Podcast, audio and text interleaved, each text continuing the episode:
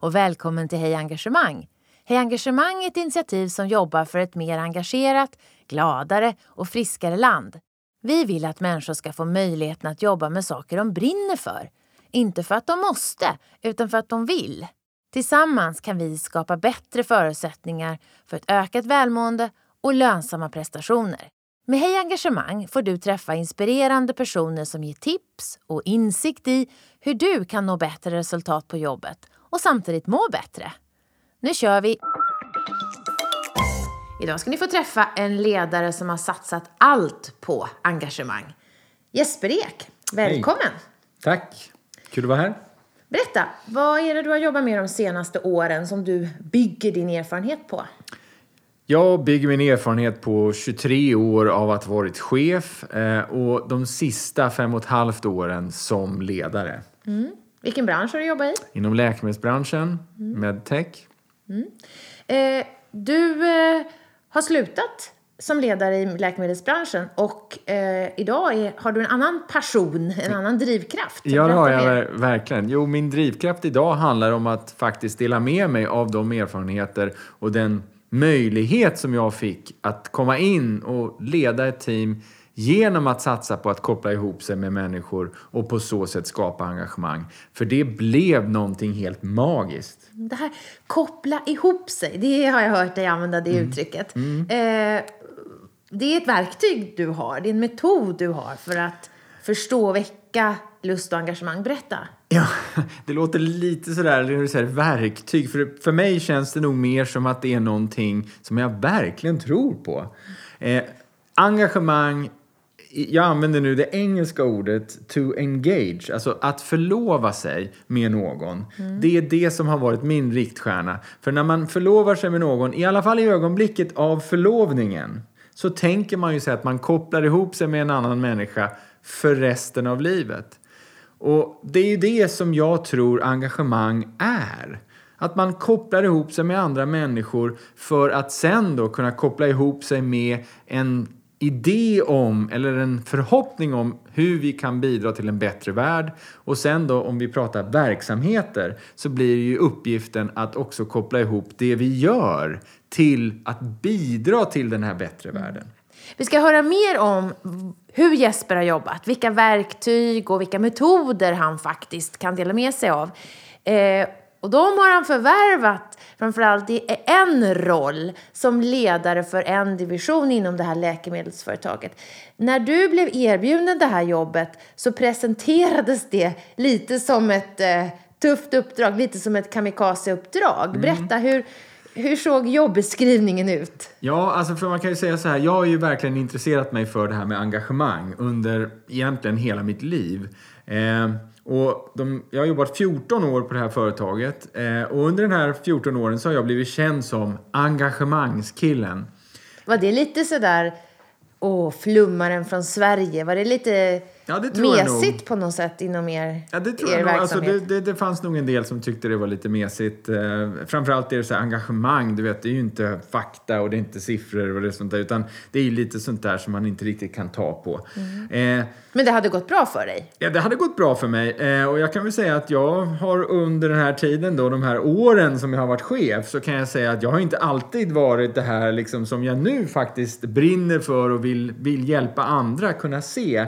Jag har också varit tävlingsinriktad. Jag har liksom, du vet, jag ska åstadkomma jättebra resultat och minsann, nu ska vi göra så här och så här. Eh, så att det är klart att det som det handlar om för mig idag, det är ju det att jag har skaffat mig en erfarenhet genom att jag under många år har varit chef.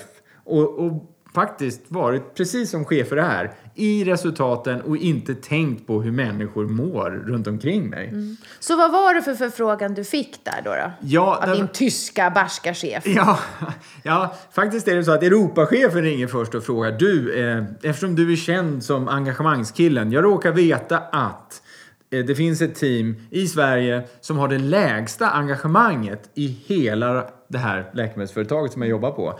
Eh, och eh, det är 90 000 anställda och de har... I det här teamet? Nej, inte i det här teamet på det här stora företaget. Mm. Mitt team var 20 pers ungefär. Så att, eh, men de hade det lägsta engagemanget i hela stora företaget. Eh, så att han sa, du, eh, här kan du få chansen att faktiskt gå in och leda på det här sättet som du nu pratar om är så himla viktigt. Det här med engagemang. Så de, det här teamet, de saknar vad då? Mål och mening, lust, eh, tydlig riktning. Vad är det du ser hos dem? Ja, från början så visste jag ju ingenting om det här teamet. Det enda jag visste var det som jag får presenterat när min då tyske chef kommer och eh, träffar mig på intervju. För det första han har med sig, vad tror du det är? Nedåtgående kurvor. Ja, precis. Han visar resultaten. Ja. Så här ser det ut. Och det visar sig att ja, de här resultaten har de senaste sex åren bara gått rakt ner i källaren. Eh, och sen så säger han så här, dessutom så är det så att den här engagemangsundersökningen visar ju på att eh, ja, det är det lägsta engagemanget som möjligt. Vi har ju pratat om det här analogin om en cykel. Eh, och det här teamet hade två personer som ville cykla framåt, en person som satt på cykeln och sju som aktivt bromsade. Så var situationen. Kom ingen vart. Men du, tyckte du att det här lät som ett spännande uppdrag? Ja, men det tyckte jag. Jag hade, jag hade verkligen en känsla av tänk, nu kan jag gå in och verkligen göra det här som jag har så att säga tänkt på så många år. Att leda på ett lite annat sätt, att inte vara chef utan att faktiskt istället ägna min tid att koppla ihop mig med medarbetarna för att på så sätt kunna åstadkomma någonting. Eh, så att jag, Så du tackar ja? Ja, jag tackar ja. Eh, det som händer innan jag tackar ja, det är att eh, jag också får reda på att jag kommer att få en lönesänkning. Och det handlar om att vi är ett företag, ja, men vi är tre olika divisioner. Eh, och jag kan bara ärligt erkänna att när jag får, först då får liksom det här, okej, du ska göra det här, vi vill att du tar det här jobbet, men du kommer att få lägre lön. Min första reaktion är liksom så här, nej, aldrig i livet. Kan man säga att där testades ditt, ditt engagemang faktiskt? Ja, det tror jag. Eh, För hur intressant och roligt du tyckte det var? Ja, och då är det ju så att jag själv kunde inte då ta mig ur det här. Eh, för min reaktion var aldrig i livet, det här gör jag inte. Förnedrande? Ja, eller ja, det kändes förnedrande. Det kändes det är typiskt det där. Va? Det är någon som tror på engagemang och vill jobba på ett lite annat sätt. Och den personen behöver vi inte tänka på att ge sig hög lön. Men jag går hem och träffar då min härliga fru som vi har en diskussion och då berättar jag för henne att ja, nej, men jag har valt att tacka nej. Och då så säger hon så här, men vänta nu, igår så satt du ju här och liksom var eld och lågor över den här chansen att faktiskt få jobba på ett helt nytt sätt och da, da, da. Varför säger du så här? Ja, då berättar jag för henne, ja, det, de vill att jag ska sänka lönen. Och då så säger hon så här, men jaha, okej, men, men om du vill det här, jag förstår inte riktigt. Jag menar, okej, det är väl okej, vi klarar ju en lönesänkning. Vad, vad är det som är så himla konstigt? Ja, det har tänker, hon har ju i och för sig rätt i. Eh, och då så säger hon så här, men vad är det bästa med att få en lönesänkning? Finns det något positivt med det? Och då så pratar vi lite om det och det positiva vi kommer fram till handlar om att ja, nu är det ju inte längre om mig. Jag behöver inte i den här förhandlingen nu gå in och se till att jag får så maximalt som möjligt lön för att kunna ta det här uppdraget. Utan det handlar om något annat. Vad är det jag behöver för att kunna vara framgångsrik i det som jag vill göra? Och det var ju någonting som jag kunde ställa ett krav på min chef. Du behövde förtroende? Jag behövde förtroende, men det hade jag nog fått då eftersom jag fick jobbet. Men jag behövde tid. Tid behövde du, ah. Därför att om du ska koppla ihop dig genuint med människor så måste du ha tid att faktiskt lyssna och lyssna med intentionen och förstå. Vilket väldigt sällan är fallet. Framförallt inte om du som chef kommer in och har en idé om att jag snabbt ska skapa nya resultat. Och, jag menar, då lyssnar du inte klart. Utan då har du redan en idé om det och så kanske man bara ställer de här frågorna och sen så lyssnar jag inte klart. Så du slängde in tid i förhandlingen och vad sa tysken då? Ja, då var det han, min tyske chefs tur att vara lite sådär, mm, vänta nu. Eh, så han sa, ja det här måste jag tänka på. För det jag bad om var sex månader när vi inte skulle prata om resultat. Utan han, Ni skulle åstadkomma resultat men inte fokusera på det just. han fick inte fråga mig hur det går. Eh, och det är klart, det sa han. Mm. Så han åkte hem två dagar, eh, tänkte han på det här, men sen ringer han mig och säger, okej Jesper, du får det. Och nu kommer vi till det spännande tycker jag. Du har tackat ja, du har det här teamet som inte vet riktigt eh, varför de går till jobbet. Vad börjar du i för ända då? Jag börjar med det som är en ledares viktigaste del att börja med, menar jag, och det är människorna. Eh, jag hade ju 20 personer, så det var inte jättemånga människor kanske. Men jag såg till att verkligen försöka lära känna de här 20 personerna. Och eftersom jag hade tid så kunde jag vara med dem, ibland en hel dag. Eh, jag hängde bara med och såg hur de har det på jobbet och, och sådär. Och under den här tiden så lärde vi känna varandra. Liksom, vad är det som du brinner för och vad heter dina barn och vad har du för utbildning etc. etc. Eh, och det var väl egentligen början på det här som då, jag menar, som mm. gjorde att vi började koppla ihop Låter oss. inte så jättespeciellt. Nej, utan, och det är det inte heller. Det enda speciella är att jag tror att väldigt få chefer tar sig tiden. Man är så otroligt fokuserad på att här ska jag snabbt komma in och göra skillnad och göra resultat. Att man glömmer bort att för att kunna åstadkomma resultat så måste man ju få människor med sig. Mm. Om du spolar framåt eh, några månader och kanske två år eller så. Hur, eh, hur gick det för teamet? Ja, alltså det, det gick ju över all förväntan. Eh, och det gick ganska fort att vända engagemang, ska jag säga. Ett år senare så gör de en ny engagemangsundersökning. Och då är det plötsligt samma team. Jag har inte avskedat en enda person. Eh, och vi har samma produkter. Faktiskt under alla de här nästan sex år som jag nu är ledare i det här teamet så lanserar vi ingen ny produkt. Eh, och det är på samma svåra marknad, upphandlingsmarknad. Eh, men Engagemanget vänder väldigt snabbt, men det är klart att resultatet tar lite längre tid. Och det tog faktiskt sju månader innan resultatet förbättrades. Men det var ändå ganska kort tid.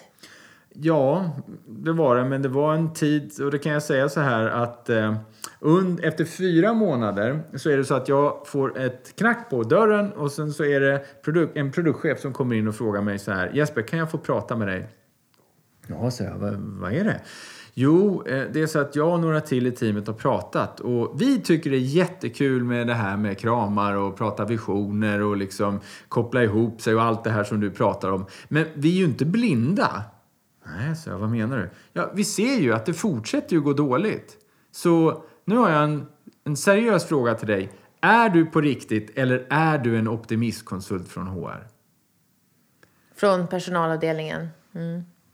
Och det är klart att i det läget eh, så kan jag säga att då känner man sig inte särskilt stark. Jag, menar, jag, hade ju, jag, hade, jag trodde på det här. Jag hade tagit fram en egen modell för hur man kan jobba på det här sättet. Men det är klart, jag hade ingen aning om det skulle gå. Och det är klart, man ansvarar ju för människor och människors jobb. Kände, kände du dig sviken av ditt team då som på något sätt hade liksom inte riktigt förtroende för dig? Så tänkte jag nog inte. Jag, jag kände mig bara väldigt, väldigt ensam och, och ganska mycket rädd. Faktiskt. Jag menar, för att återigen, man har ju faktiskt ansvar för 20 andra människors jobb. Och jag menar, jag hade också under de här samtalen som jag hade haft med människor hade jag, hade jag förstått att egentligen det som alla i teamet delade, det var en rädsla för att bli av med jobbet. Mm. Och jag tror att återigen då, om en ledare, om, man, om vi tror på det här med ihopkoppling, så måste man förstå vad är det för rädslor som finns i teamet. Och det gäller att verkligen tränga djupt ner och förstå de här rädslorna. För det är ju först då du kan adressera dem. Mm. Jag menar, jag adresserar det på ett sånt sätt att jag berättar för alla jag, mina, min intention är inte att avskeda en enda person. Utan min intention är att vi ska vända det här tillsammans. Nu är det dags att få veckans ordination av vår egen engagemangsdoktor, Johan Bok.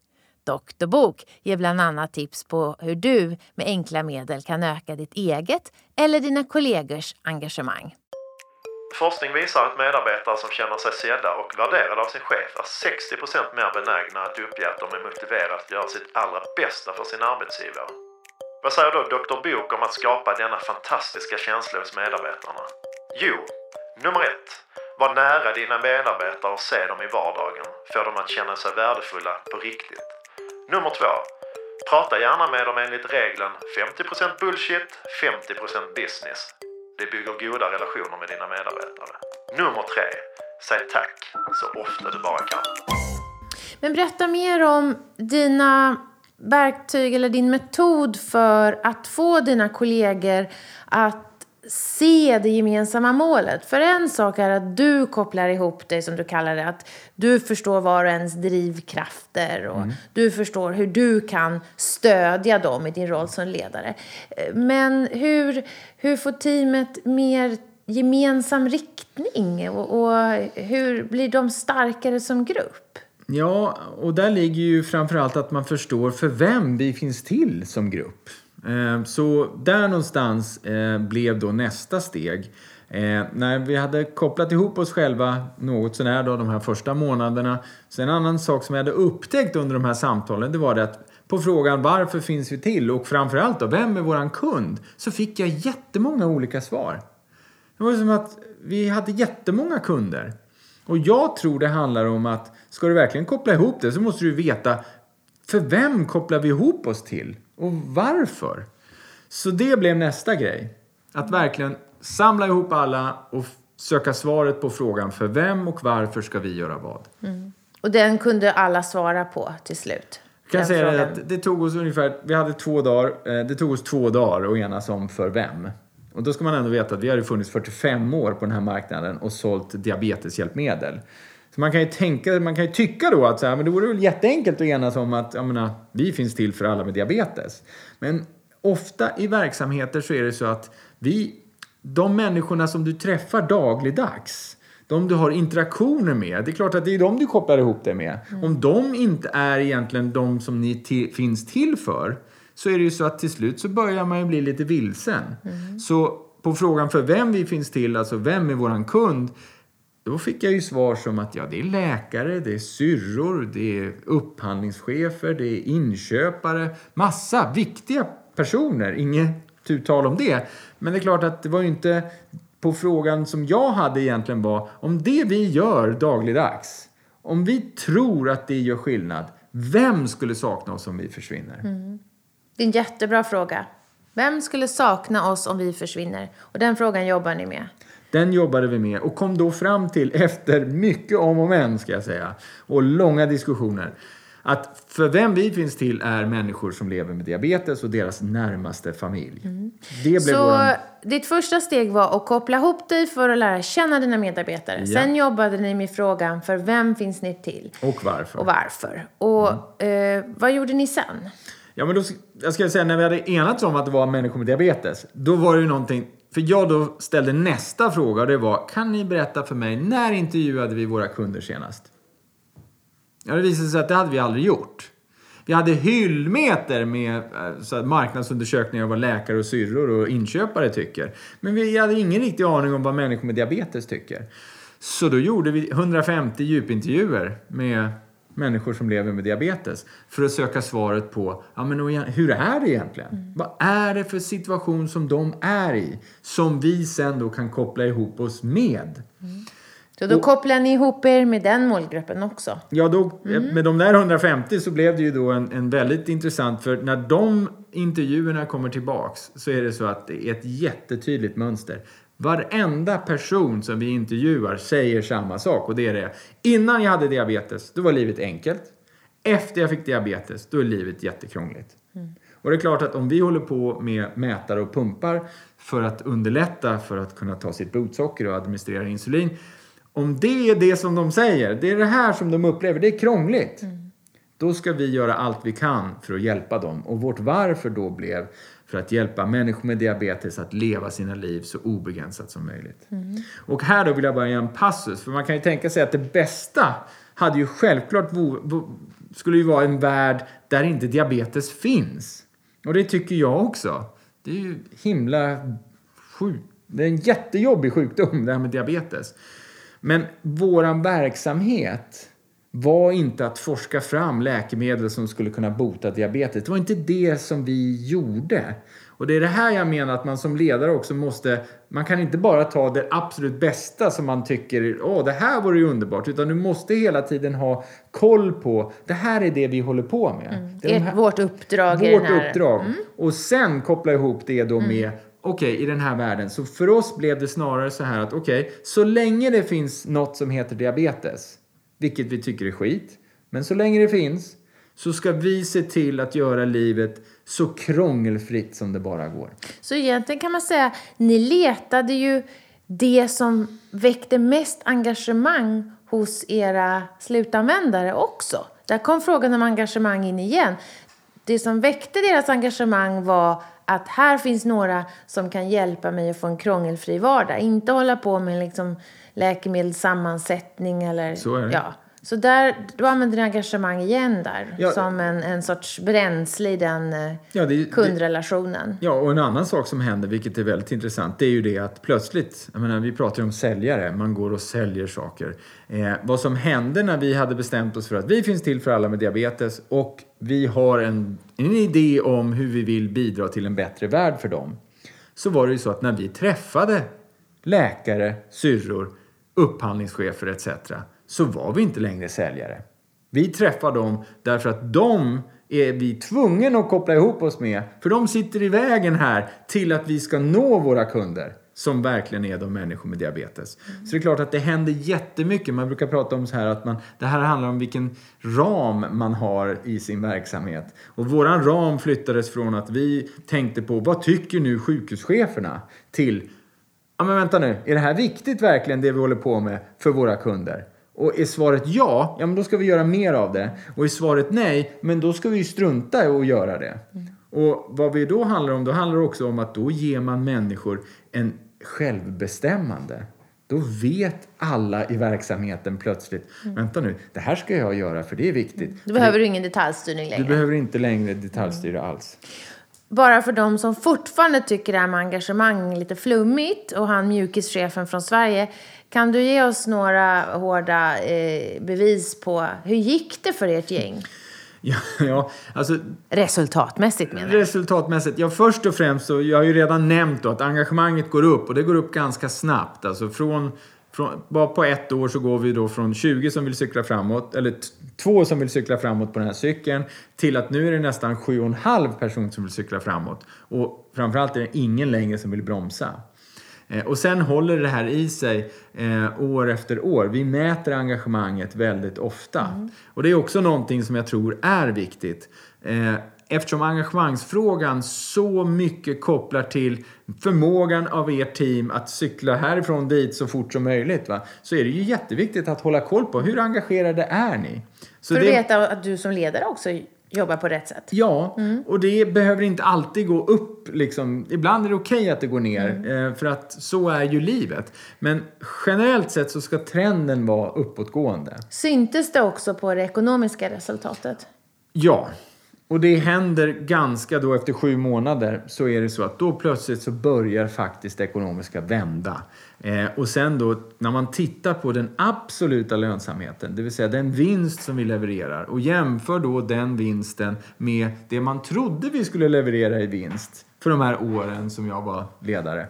Eh, så är det så att när vi stängde böckerna då 2016 så var vi 234 procent bättre vad det gäller ren lönsamhet än vad man trodde var möjligt för det året när jag började. Så det är jättemycket pengar. Så är man intresserad av att faktiskt åstadkomma bättre resultat så menar jag att ja, som ledare då så bör man faktiskt göra precis tvärtom mot vad de flesta ledare tror att de behöver göra. Sluta prata om resultat, sluta prata pengar, börja istället koppla ihop er med medarbetarna och skapa den här ihopkopplingen för vem ni finns till och varför och sen eran, hur er verksamhet hänger ihop för att göra den här världen möjlig. Du gillar ju det här med kopplingar, Jesper. Eh, och Heja Engagemang är ju ett initiativ för ett mer engagerat Sverige. Kan du se en koppling mellan, eller jag ska säga så här, hur ser du på kopplingen mellan företag, organisationer och samhället? Ja, alltså jag, jag tror att man kan titta till exempel på sjukfrånvaro. Eh, jag tror att i mer engagerade team eh, där man känner att man faktiskt finns in, i en miljö där jag känner mig sammankopplad med andra och det känns meningsfullt så tror jag att man kan faktiskt också se att sjukfrånvaron går ner. Eh, så det är klart att ja, om man tror på det så, ja, så är det faktiskt så att samhället i stort blir faktiskt bättre om vi har mer engagemang på jobbet men också förstås hemma och i alla de verksamheter som vi håller på med. Mm. Eh, vad är din koppling till eh, Hej Engagemang, den här plattformen som eh, vill driva de här frågorna? Jag är med och är en av medgrundarna till det här. Jag tror verkligen på att det behövs en rörelse.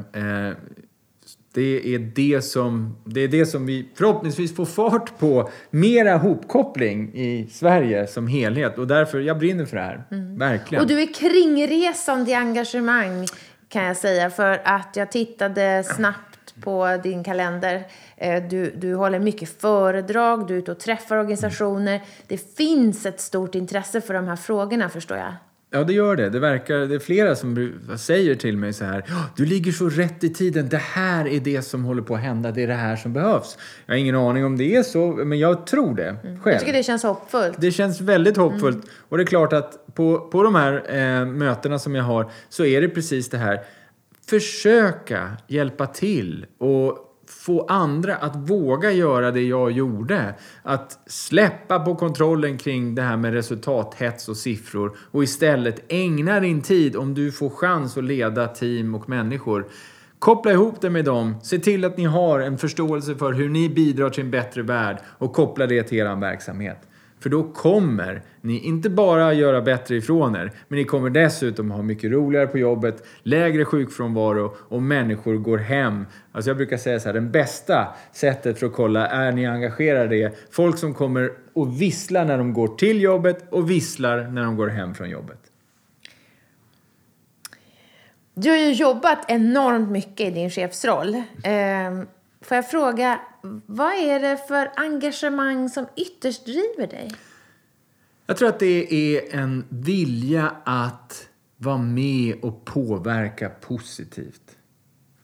Det är det som jag får mitt engagemang, min hopkoppling. Om jag kan känna att, att jag är med och hjälper andra att kanske se på världen på lite annat sätt och kanske då i en mera så här hopkopplad hopkopplad värld mera. Då känner jag så här, det här, det här, jag tror på det. Jag brinner för det här, jag tror på att det här och jag tror att om jag gör mer av det här så kommer fler människor också kunna göra mer av det här och då kommer vi att få en bättre värld. Tack Jesper för att du var med i Hej Engagemang. Eh, ni som vill ha mer tips, verktyg, goda exempel, gå in på hejengagemang.se. Tack för idag. Tack så mycket. Vi hoppas att vi har väckt tankar om hur du kan bidra till ett mer engagerat Sverige.